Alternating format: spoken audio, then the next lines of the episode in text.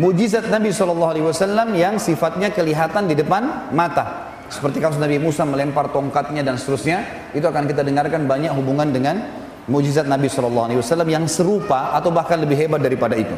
Namun sebelumnya teman-teman, saya ingin titik beratkan dulu satu hal.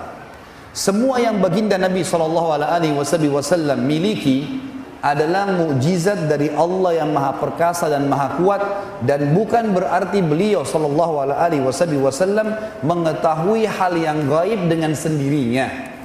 Ini di garis bawah teman-teman. Makanya dalam banyak riwayat Bukhari Muslim setiap kali ada sahabat bertanya dan Nabi SAW belum menjawabkan mendapatkan jawabannya dari Jibril beliau terdiam sambil menunggu begitu datang jawaban lalu beliau mengatakan siapa tadi yang bertanya Baru angkat tangan. Begini penyampaiannya.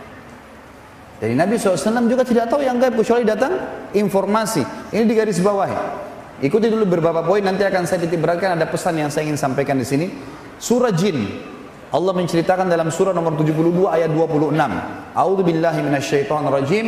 Alimul ghaibi fala yudhiru ala ghaibihi ahada.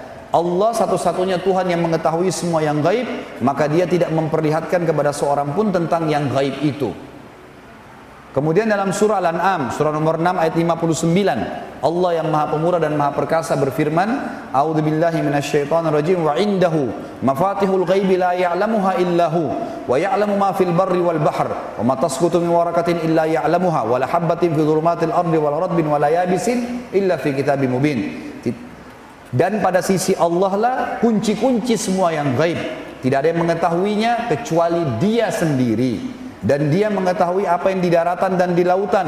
Dan tidak ada sehelai daun pun yang gugur melainkan dia Allah mengetahuinya. Dan tidak ada sebutir biji pun.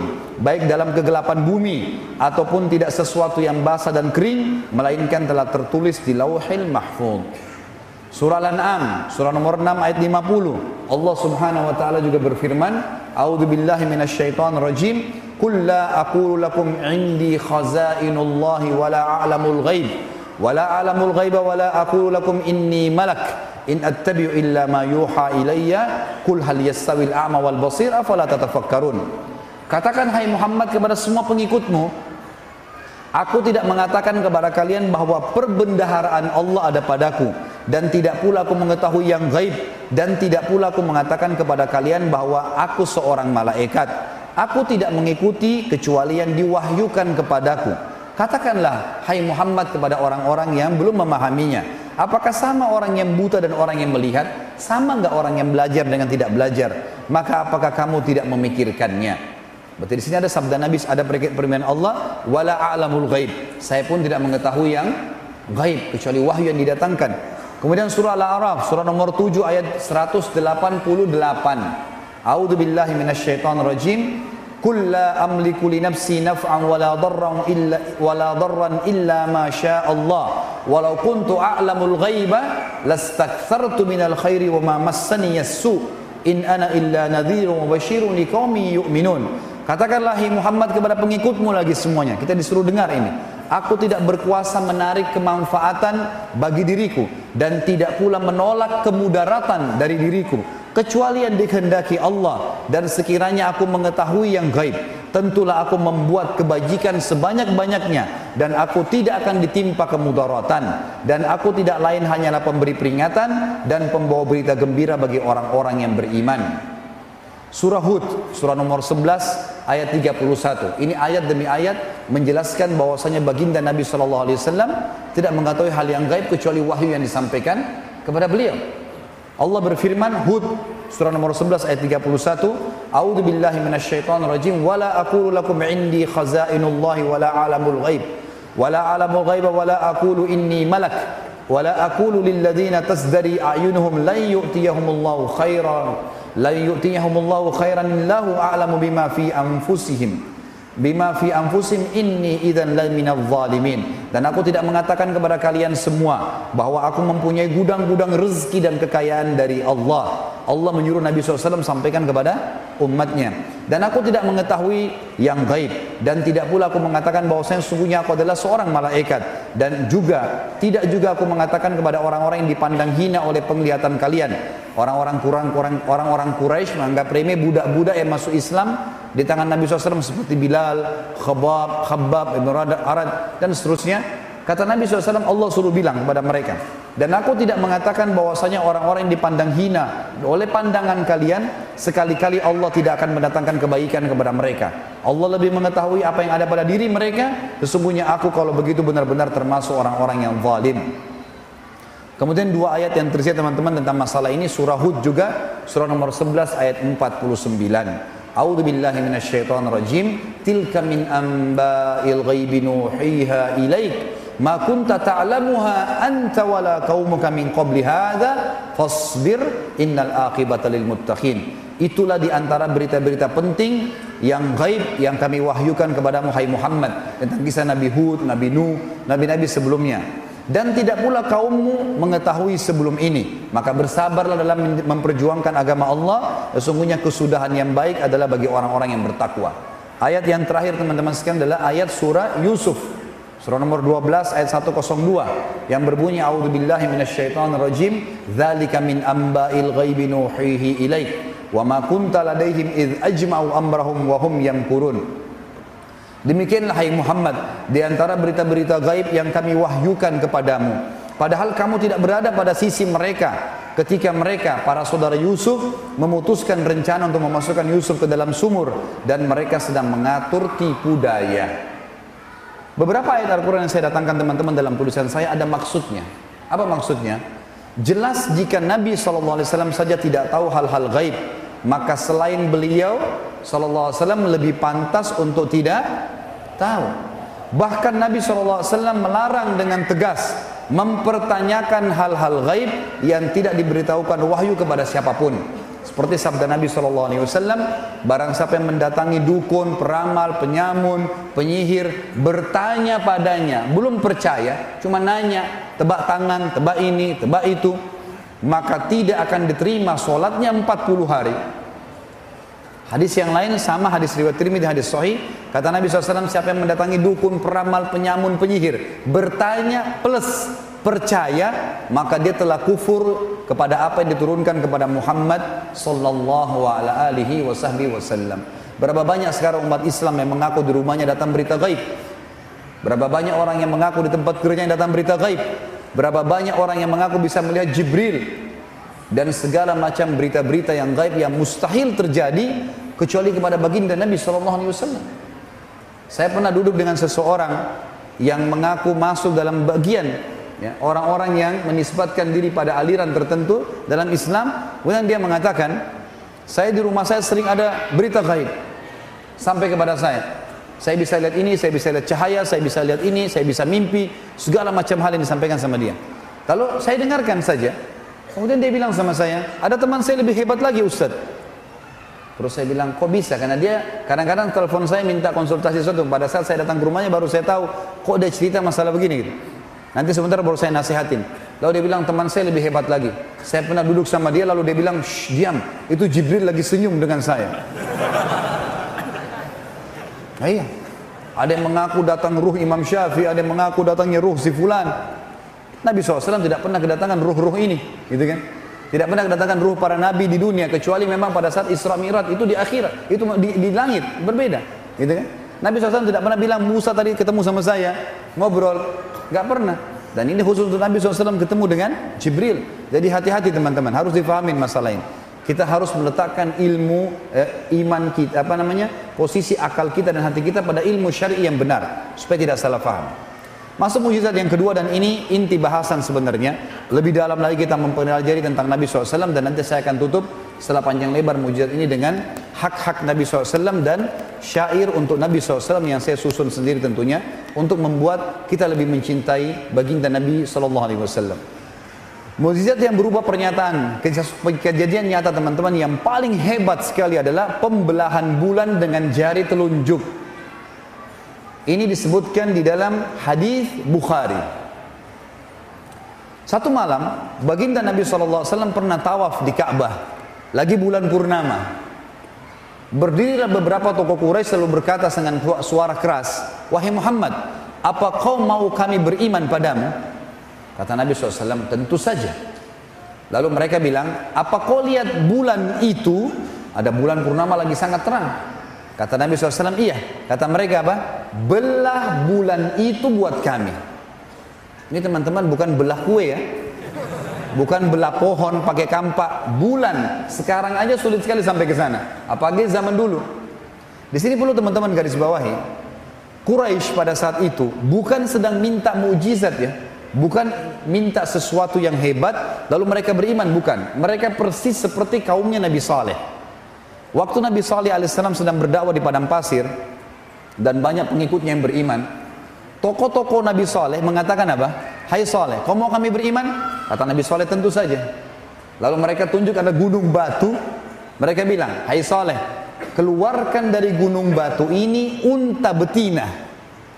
Bukan keluarkan pasir, batu kecil, keluarkan unta betina, tidak cukup Hai Saleh. Unta betina itu harus bisa memberikan susu satu negeri. Mustahil, nggak mungkin. Tujuannya mereka ingin mempermalukan para nabi Allah. Mereka kaget pada saat Nabi Saleh mengatakan apa? Hai kaumku, kalau saya minta kepada Allah, Tuhanku dan Tuhan kalian, apa yang kalian minta? Keluar unta dari gunung itu. Kalian akan beriman?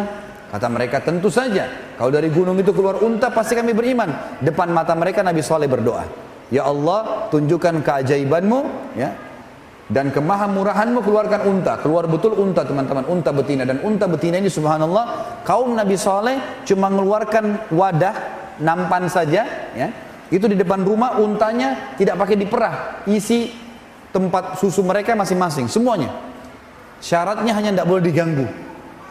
Akhirnya makin banyak orang yang beriman. Ternyata orang-orang kafir ini membunuh unta Nabi Saleh dalam Al-Quran fa'akarun nakah mereka membunuh unta betina itu. Ada kisah sendiri tentunya. Tapi kita kembali kepada Nabi SAW. Orang Quraisy di sini minta belah bulan bukan karena mau beriman ya.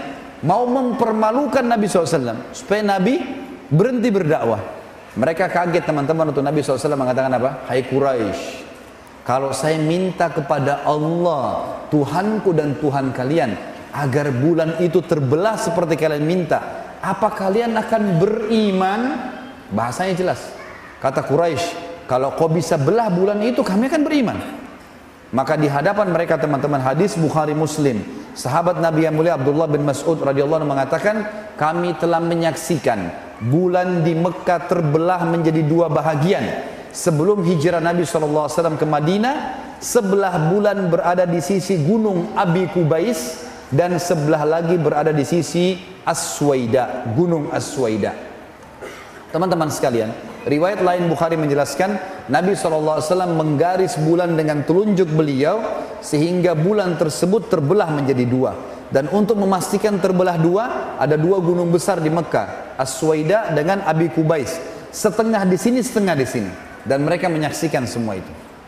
Kira-kira teman-teman, apakah Quraisy beriman? Jawabannya mereka bilang apa? Sungguh sihirnya Muhammad tambah hebat. Itu perkataan. Tadi mereka bilang mau beriman tuh. Enggak.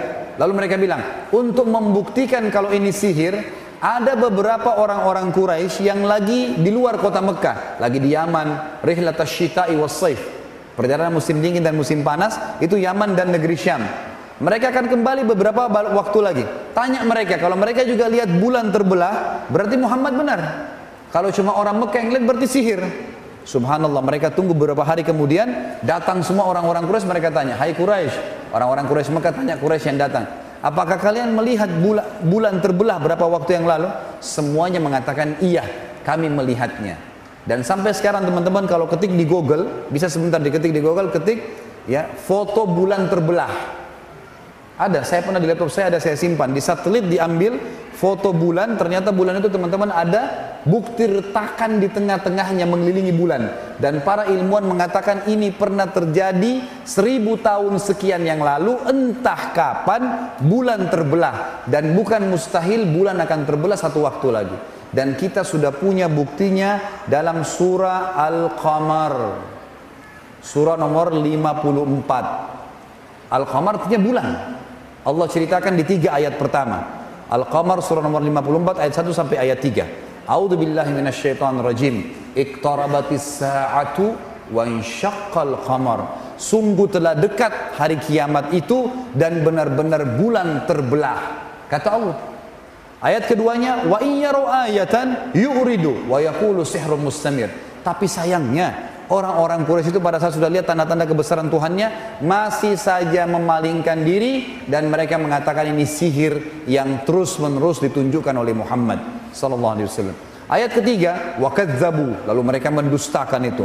Wattabau ahwa'ahum, lalu mereka mengikuti hawa nafsu mereka. Wa kullu amrim mustaqir, dan setiap perkara akan ada pertanggungjawabannya. Ini mujizat yang pertama, pembelahan bulan. Yang kedua, tulisan saya tentu dalam buku saya tulis kuasa Nabi SAW terhadap awan. Ini hadis Bukhari. Suatu hari, Nabi SAW sedang khutbah Jumat. Anas bin Malik pembantu Nabi SAW anhu meriwayatkan masalah ini. Nabi SAW lagi khutbah Jumat, baru selesai Bilal azan dan baru Nabi SAW mulai dengan tahmid, puji Allah. Ada satu sahabat dari luar masjid teriak-teriak, Ya Rasulullah, Ya Rasulullah dengan suara keras. Orang semua heran. Hari Jumat kita tahu kalau khatib dari mimbar semuanya orang hening, gitu kan? Orang balik ke arah sana semua. Ini ada apa ini? Orang ini kenapa teriak-teriak? Nabi waktu dia masuk pintu masjid, Nabi SAW tanya, Malak, ada apa dengan kamu? Dia bilang, ya Rasulullah, jalan-jalan kami pecah semuanya, retak. Tanah-tanah jalan semuanya retak. Pohon-pohon kami mati. Gembalaan kami pun banyak yang mati. Kami pun akan mati sebentar lagi karena kering musim kemarau. Nggak ada hujan. Mumpung anda di atas mimbar, berdoalah kepada Allah agar Allah turunkan hujan. Rupanya orang ini punya hajat penting. Memang dia kejar waktu Nabi SAW lagi di atas mimbar. Maka kata Anas bin Malik, kami pun menyaksikan Nabi SAW mengangkat tangannya ke langit sambil mengatakan dua kali, Allahumma agithna, Allahumma agithna. Ya Allah turunkan hujan buat kami, turunkan hujan buat kami. Kata Anas bin Malik, demi Allah, waktu Nabi SAW mengucapkan doa itu, saya mengangkat mata saya ke langit, Waktu itu kebetulan masjid Nabi tidak ada atapnya, terbuka. Maka saya melihat langit seperti kaca, nggak ada awan sedikit pun. Tentu kalau tidak ada awan nggak mungkin hujan ya. Maka yang terjadi kata Anas bin Malik, belum selesai khutbah Nabi SAW kecuali Madinah sudah gelap, penuh dengan awan-awan dan turun hujan lebat sampai membasah kuyupkan seluruh Madinah, termasuk Nabi SAW basah kuyup dengan jenggot beliau SAW. Lalu kami tidak melihat matahari sepekan. Seminggu nggak ada nggak ada ada matahari, hujan terus, gitu kan. Jumat depannya Nabi SAW naik mimbar mau khutbah lagi, datang lagi orang yang minggu lalu. Ya Rasulullah, ya Rasulullah, kenapa kamu rusak jalan-jalan kami? Hewan-hewan kami mati, kami pun bisa mati, banjir. Minta kepada Allah agar hujan diberhentikan. Seminggu non-stop. Maka Nabi SAW mengucapkan dalam hadis Bukhari, ini yang dengan doa yang masyhur, Allahumma hawalaina wala alaina. Ya Allah jadikan hujan ini baik buat kami, jangan masalah buat kami. Allahumma alal aqami wadh-dhirabi wa butuni awdiyatin wa manabi syajar. Ya Allah, berikanlah air ini seperti tempat uh, yang baik untuk tanah, diserap oleh tanah, untuk tumbuh-tumbuhan dan untuk hewan-hewan, gitu kan? Semuanya jadi baik. Lalu kata Anas bin Malik, lalu aku melihat dalam riwayat dikatakan dan kami melihat Nabi SAW dari atas mimbarnya menunjuki awan-awan yang ada di langit. Dan setiap awan yang ditunjuk oleh jari Nabi SAW maka yang terjadi awan tersebut bubar sehingga berhentilah hujan itu pada saat itu juga. Maka yang tadi saya tulis teman-teman dalam hadis Bukhari ini judulnya kuasa Nabi SAW terhadap awan. Dan perlu antum tahu belum pernah ada nabi-nabi sebelum beliau yang bisa melakukan ini membelah bulan dengan jari memberhentikan hujan dengan jari ini kehebatan luar biasa kalau Nabi Musa bisa belah laut merah dengan tongkat ini pakai jari Ya. Kuasa besar, luar biasa. Kalau Nabi Nuh alaihissalam harus berdoa kepada Allah supaya banjir besar datang, Nabi SAW cuma berdoa dan tunjuk. Tinggal datangkan atau berhentikan hujan itu dengan kuasa Allah tentunya. Ini sebuah mujizat yang luar biasa. Yang ketiga teman-teman kuasa Nabi SAW terhadap hewan. Hadis ini diriwayatkan Imam Ahmad tentunya. Dan masih ada ulama yang membicarakan tentang hadis ini tapi dihasankan oleh sebagian yang lainnya. Kisah yang diriwayatkan oleh Jabir radhiyallahu anhu pada saat kami pulang dalam satu perjalanan bersama Nabi SAW kemudian kami masuk di pintu gerbang Madinah kami menemukan suku Najjar. Suku Najjar salah satu suku Ansar yang tinggal di pintu gerbang Madinah. Jadi zaman dulu itu e, kayak Surabaya ini kalau kota Madinah itu ada bentengnya ada pintu gerbang. Jadi musuh nggak bisa nyerang gitu Makanya waktu terjadi perang Uhud itu tujuannya Quraisy mau masuk menembus benteng eh, benteng Madinah yang ada di sebelah gunung Uhud. Tapi karena pasukan muslim sudah keluar mereka terpaksa berhadapan gitu kan, mereka tidak bisa masuk ke dalam. Begitu masuk pintu gerbang Madinah ada suku Najjar. Suku Najjar ini suku uh, ibu Nabi SAW. Masuk sana ternyata ada unta jantan lagi ngamuk. Unta jantan lagi mengamuk. Dan unta ini teman-teman seperti kuda, bisa menggigit, bisa menendang, ya. Yang terjadi Jabir anu mengatakannya Rasulullah, hati-hati di depan Anda ada unta jantan lagi ngamuk. Semua orang sudah tahu, termasuk pengembala unta, kalau unta jantan ngamuk, mereka cuma berusaha menggiring masuk ke kandang lalu dibiarkan tenang dulu baru kemudian didekati karena liar sekali. Maka yang terjadi Nabi SAW justru menghadapkan untanya ke unta itu Unta ini lagi membelakangi Nabi ya. Lalu kata Nabi SAW satu kalimat. Ta'al. Ke sinilah. Begitu mendengar suara Nabi SAW apa yang terjadi? Tiba-tiba saja unta itu balik ke arah Nabi SAW. Menundukkan tatapan matanya. Kemudian redam marahnya. Lalu dia menurunkan mulutnya ke tanah. Kemudian menyeretnya sampai di hadapan baginda Nabi SAW. Dengan tidak marah lagi, diturunkan ini bentuk penghinaan. Dia bukan lagi ma bukan cuma jalan tenang, tapi dia turun sambil menyeret mulutnya di tanah sampai di hadapan Nabi SAW. Lalu kata Nabi SAW, mana tali kekangannya? Dikasihlah. Lalu Nabi SAW bung, ikat. Setelah diikat kata Nabi SAW kalimat yang mulia. Demi zat yang ubun-ubunku dalam genggamai, maksudnya demi Allah. Tidak ada sesuatu pun di langit maupun di bumi. Garis bawah kata-kata sesuatu ya Artinya mati atau hidup di mata manusia. Tidak ada sesuatu pun di langit dan di bumi melainkan mengetahui aku adalah utusan Allah kecuali pembangkang jin dan manusia.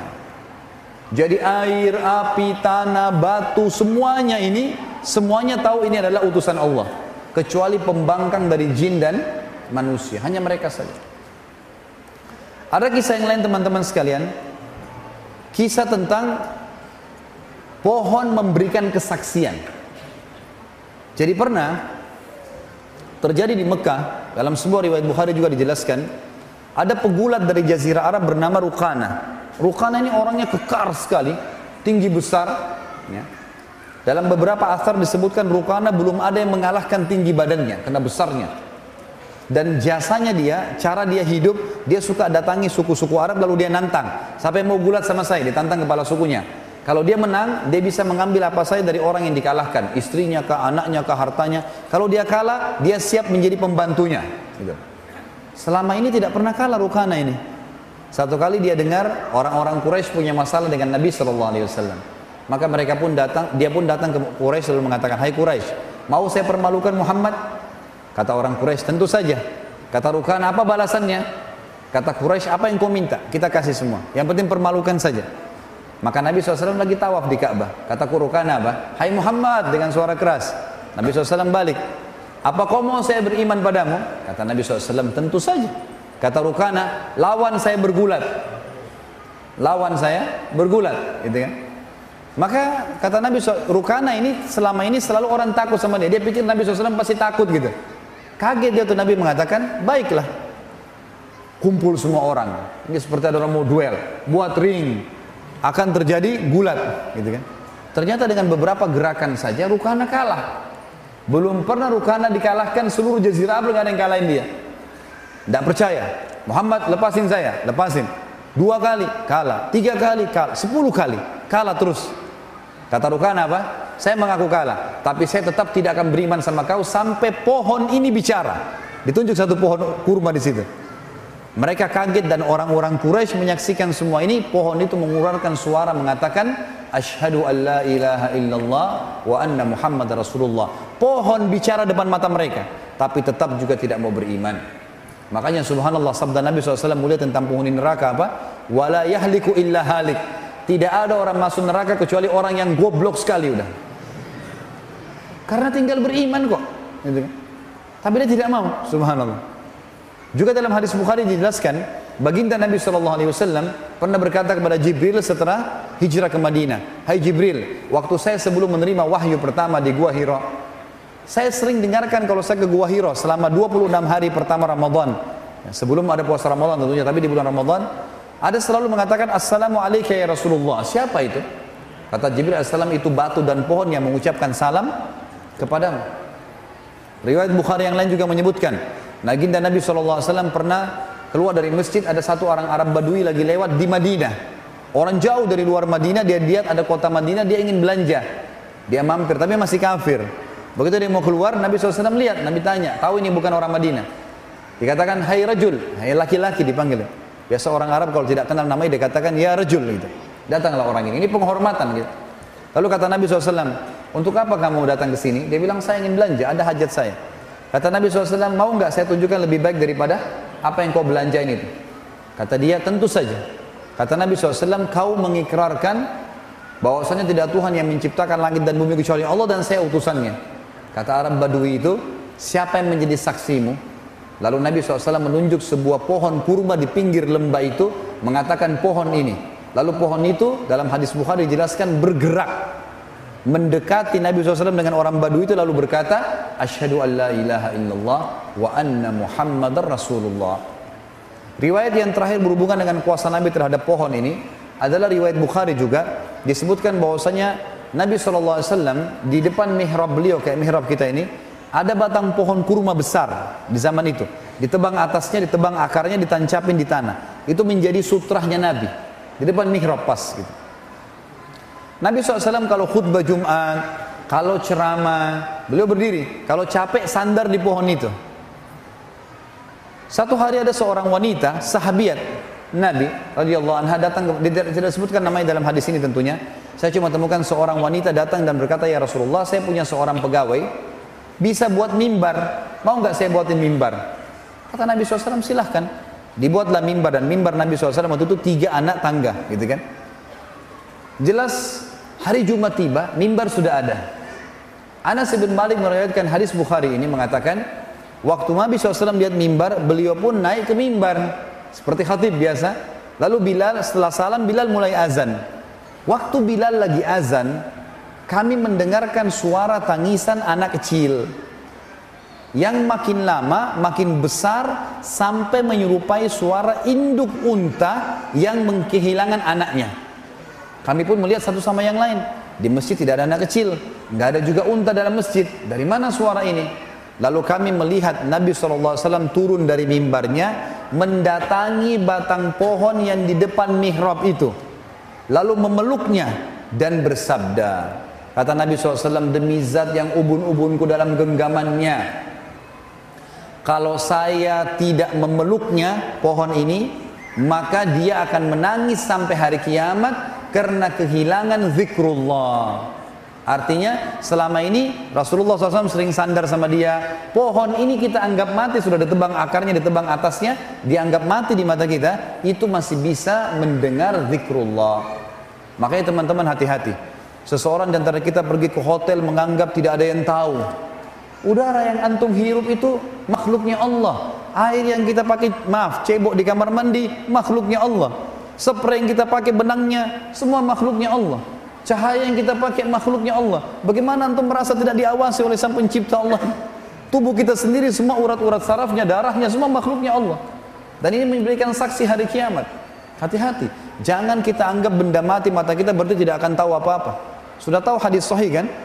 Yang multafaq oleh Bukhari Muslim tentang kita disunnahkan pindah-pindah tempat kalau sholat sunnah. Kenapa? Karena kata Nabi SAW setiap tempat dipakai sholat oleh seorang muslim akan jadi saksi hari kiamat. Tembok lantai itu akan jadi saksi buat antum hari kiamat. Bagaimana kuasa Allah? Tugas kita beriman, tidak usah bertanya, gitu kan? Allah perintahkan duhur tiga empat rakaat, asar empat rakaat, ya sudah, kita terima kalau orang beriman. Tidak usah kita protes.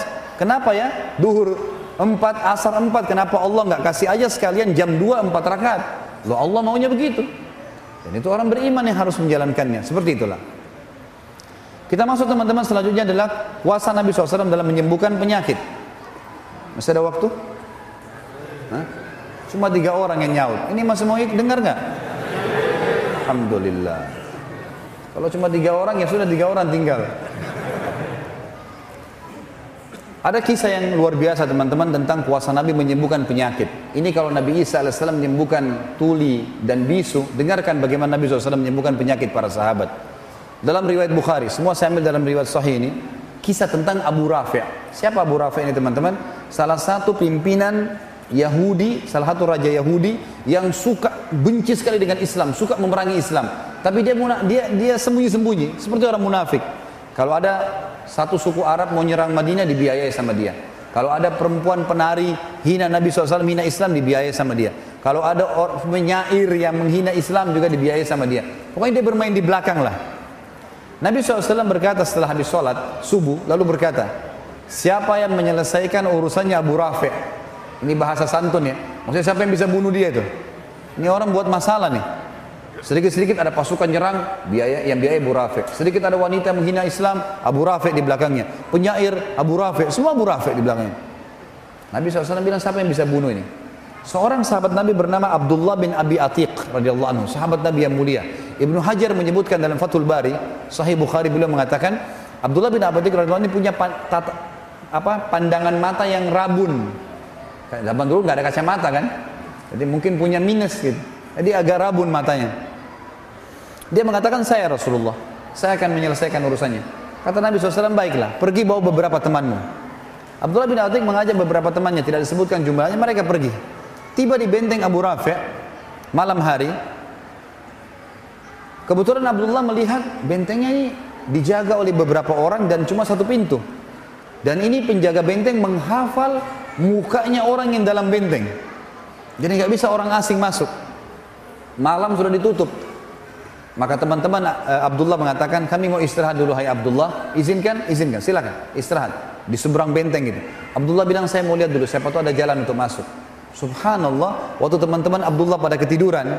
Tiba-tiba saja pintu gerbang benteng dibuka. Keluar dari benteng perempuan, anak-anak, bawa obor. Ribut, suara gemuruh. Ternyata terdengar karena mereka menggunakan bahasa Arab juga waktu itu orang-orang Yahudi. Karena mereka tinggal di Jazirah Arab, maka mereka Abu Rafi, eh, si Abdullah dengar. Mereka bilang, untanya raja kami Abu Rafi sedang hilang. Carilah. Jadi banyak untanya hilang. Dicari sama masyarakatnya. Mereka keluar semua. Abdullah melihat ini kesempatan. Kalau dia bangunkan temannya lama lagi, dia jalan sendiri.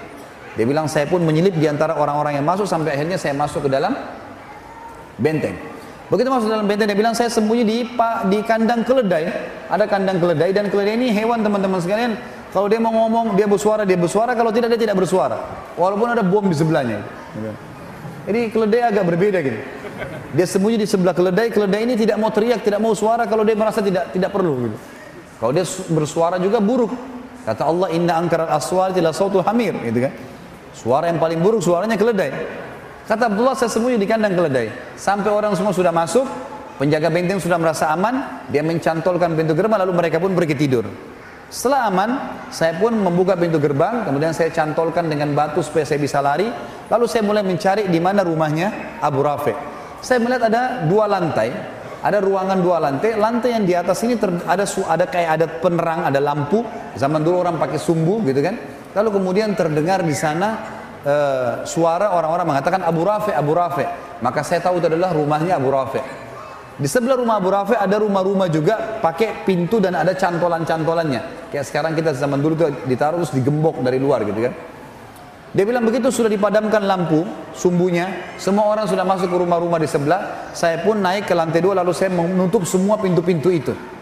Lalu kemudian saya buka pintunya rumahnya Abu Rafi lalu saya mengatakan Abu Rafi Abu Rafi ini hafal suara teman-temannya dan sudah gelap. Kata Abu Rafi, siapa itu? Abdullah bilang begitu saya dengar suara mengatakan dari satu arah. Siapa itu? Saya ke sana, saya tebaskan pedang saya kemudian saya lari keluar. Karena matanya agak gelap dan gelap juga ruangan. Saya melihat ingin melihat cahaya langit yang masih ada di malam hari gitu kan. Ternyata waktu saya tiba di pintu pintu rumah Abu Rafi, Abu Rafi belum mati. Dia berteriak kesakitan gitu kan. Maka saya pun mengatakan mengubah suara saya lagi, lalu saya mengatakan ada apa wahai Abu Rafi? Abu Rafi bilang ada orang yang berusaha bunuh saya. Kata Abdullah, begitu saya dengar suara di arah suaranya dia, saya mengejar lalu saya tebas lagi dengan pedang. Kembali lagi ke pintu, ternyata Abu Rafi belum mati. Kata Abdullah, saya mengubah suara saya ketiga kalinya. Ada apa Abu Rafi dengan suara yang berbeda, gitu kan? Baru Abu Rafi dengan dalam kesadikan ada orang mau bunuh saya. Kata Abdullah saya pun mendatanginya. Lalu saya pastikan pedang saya saya tancapkan ke dadanya sampai tulang belakangnya bunyi. Ya. Mati kemudian dia bilang saya tinggalkan. Kemudian saya turun karena buru-buru. Ini sudah ribut di, di sekitar rumahnya Abu Rafi ini. Dia bilang saya buru-buru turun dari anak tangga karena buru-buru. Akhirnya saya melu, saya tidak menghitung lagi anak tangga.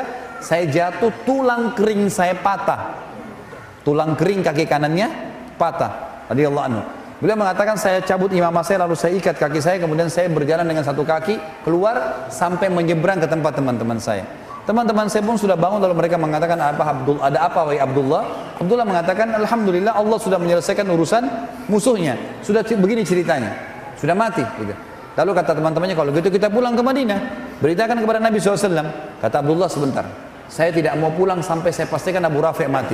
Kalau kau sudah kalau kalian mau pulang pulang aja dulu. Teman-temannya lalu pulang ke Madinah.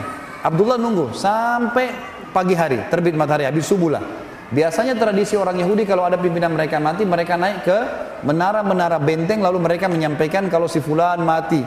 Pagi-pagi terdengar suara dengan diteriak-teriakin Abu Rafi mati terbunuh semalam. Barulah Abdullah mengatakan saya tenang dia pulang ke Madinah. Tiba di Madinah diberitakan kepada Nabi SAW. Lalu Nabi mengatakan Alhamdulillah dan semoga Allah membalas sekalian dengan kebaikan. Tapi Abdullah bilang, Ya Rasulullah, tapi kaki saya patah. Nih, tulang keringnya patah. nggak bisa jalan.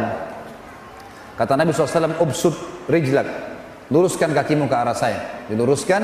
Lalu Nabi SAW meludahi lukanya Ya, Abdullah, kata Abdullah waktu Nabi SAW meludahinya, tiba-tiba saya bisa loncat dan bisa berlari. Tapi teman-teman, ini ludahnya siapa? Jawab dulu. Nabi SAW. Jangan pulang dari sini mengaku ludahnya bisa. Seperti Nabi SAW. Ini mukjizat, ya. Jangan salah faham ini. Karena pernah terjadi teman-teman sekalian, ada satu orang Namanya Musailam Al-Kadzab. Pernah dengar? Musailam ini yang mengaku Nabi di zaman Nabi SAW. Makanya diberikan julukan Kadzab. Tradisi Nabi SAW itu kalau ada anak bayi yang baru lahir, orang-orang ansar baru lahir, disuruh datang ke masjid, dibawalah anak-anak ini. Kemudian Nabi SAW mengelus kepalanya, mentahniknya, mengunyah kurma lalu ditempelkan ke langit-langit bayi itu, gitu kan? Nabi SAW memberikan nama. Jadi para sahabat senang gitu. Sampai mereka mengatakan kami bangga pada saat yang pertama masuk ke perut bayi kami air liur Nabi SAW. Jadi kan Nabi suka mentahnik. Nah satu kali Nabi SAW pernah mengelus kepala anak bayi, rambutnya jadi subur. Rambutnya jadi subur bayi itu. Musailam al-Kadzab ada di sekitar Yaman. Pengikutnya banyak. Lalu mereka bilang, Hai Musailamah, itu Nabi yang di Hijaz, yang di Madinah, elus kepala anak bayi, subur. Ini ada anak kami, rambutnya sudah subur. Coba elus, siapa tahu bisa lebih subur. Tiba-tiba waktu Musailam al-Kadzab mengelus rambutnya bayi itu gugur rambutnya. Dan bayi itu gundul sampai dia tua, keturunannya semuanya gundul. Maaf teman-teman yang gundul, jangan tersinggung. Tapi ini betul, ini kisah nyata terjadi. Satu kali juga Nabi SAW pernah didatangi oleh orang Ansar. Lalu kemudian dia berkata, Ya Rasulullah kami sudah gali sumur, sudah setengah mati dalam digali, airnya tetap asin. Coba lihat ya Rasulullah. Nabi SAW datang. Lalu Nabi SAW berdoa kepada Allah, lalu meludah ke sumur itu. Meludah. Setelah itu airnya asin berubah jadi tawar. Rupanya pengikut Musailamah di Yaman dengar juga tuh. Hai Musailamah, itu Nabi yang di Hijaz tuh meludah ke sumur, asin jadi tawar. Ini ada sumur kami sudah tawar, coba kau ludah. Musailamah datang, lalu dia mantra-mantrain, dia ucap-ucapin macam-macam mantranya dia, kemudian dia meludah, berubah dalam hadis Bukhari dia katakan air sumur itu yang tadinya tawar menjadi lebih busuk daripada bau bangkai. Jadi jangan coba-coba. Nah, ini mukjizat Nabi Sallallahu Alaihi Wasallam. Riwayat Bukhari yang lain tentang pengobatan Nabi SAW adalah masalah matanya Abu Qatadah radhiyallahu anhu. Abu Qatadah sahabat Nabi yang sangat tampan, gagah, Dalam peperangan teman-teman ada anak panah lepas dari arah musuh kena matanya, bola mata kanannya kena karena kerasnya kena itu dan beratnya anak panah sampai membuat mata Abu Qatada jatuh. Dalam hadis Bukhari dikatakan ini, matanya itu gelantung. Waktu sahabat-sahabat lihat, para sahabat mengatakan wahai Abu Qatada, kami potong aja matamu. Enggak ada solusi lain. Di zaman sekarang saja kedokteran canggih bagaimana caranya mau dijahit nih. Sudah keluar bola matanya. Kata dia sebentar. Coba bawa saya ke Rasulullah sallallahu alaihi wasallam. Bawa saya ke sana. Pergilah ke sana. Subhanallah, dari jauh Nabi begitu Abu Qatada, Nabi senyum. Dan ini kecerdasan Abu Qatada. Kita lihat nanti dalam banyak kisah teman-teman, sahabat-sahabat yang cerdas waktu Nabi masih hidup mereka langsung datang ke Nabi minta solusi. Maka mau solusi Nabi mujizat, gitu kan? Datanglah ke sana Nabi SAW senyum. Sahabat heran, Abu Qatada matanya berdarah-darah, Nabi senyum. Langsung Nabi mengatakan, wahai Abu Qatada, kalau kau mau, Nabi sudah tahu maksudnya apa? Kalau kau mau saya doakan kepada Allah matamu sembuh, bisa. Matamu sembuh, tapi tidak ada jaminan surga. Kalau kau bersabar, matamu nggak ada, dipotong aja, maka pasti kau masuk surga. Karena matamu ini jatuh di jalan Allah nih. Abu Qatada bingung. Pilih salah satunya, sembuh mata tapi tidak ada jaminan surga atau tanpa mata dapat jaminan surga. Abu Qatadah setelah perang mau nikah. Nikah matanya satu nggak ada jadi jelek. Apa kata Abu Qatadah dalam hadis Bukhari ya Rasulullah, doalah kepada Allah agar mata saya disembuhkan dan saya minta surga. Dua-duanya. Maka dalam hadis ini dikatakan Nabi SAW pun tersenyum lalu ditarik anak panah itu lalu Nabi SAW masukkan dengan tangan beliau yang mulia dan didoakan. Begitu dicabut ada dua riwayat Bukhari. Yang pertama sahabat-sahabat di situ mengatakan waktu Nabi SAW mencabutnya kami tidak bisa membedakan mana mata Abu Qatada yang rusak tadi. Bukan cuma sekedar masuk dan utuh darahnya semua hilang. Seperti bersih dua-duanya. Abu Qatada juga mengatakan dalam riwayat yang kedua, pada saat Nabi SAW menarik telapak tangannya, maka saya tidak bisa membedakan mana mata saya yang rusak dan yang bagus. Dua-duanya terang. Ini kuasa Nabi SAW dalam menyembuhkan penyakit. Kira-kira lebih hebat ini atau lebih hebat orang tuli disembuhkan? Nabi Isa AS hebat, tapi jangan lupa Nabi SAW juga punya mujizat. Ini banyak tidak diketahui oleh kaum muslimin. Kemudian teman-teman sekalian kita pindah kepada kuasa Nabi SAW terhadap air, tinggal beberapa poin ya. Ini teman-teman sekalian pernah terjadi dalam hadis Bukhari di Hudaybiyah. Hudaybiyah sebuah wilayah sekitar 80 km dari Mekah. Kalau teman-teman sekarang lagi umrah atau haji, bisa minta kepada travelnya, tolong mampirin kami di wilayah Hudaybiyah. Hudaybiyah itu kebanyakan padang pasir teman-teman dan di situ banyak uh, peternakan unta. Jadi ke Hudaybiyah itu biasanya orang untuk beli susu unta dan untuk melihat uh, daging unta di situ ya. Kadang-kadang orang membeli dagingnya kalau mereka habis sembeli dan seterusnya. Ringkas cerita seperti itulah. Hudaybiyah ini tepat di perbatasan wilayah haram. Jadi kalau masuk Hudaybiyah berarti keluar dari wilayah haram. Nabi SAW pernah mau umroh pada saat itu 1400 orang ditahan oleh Quraisy, nggak bisa, gitu kan?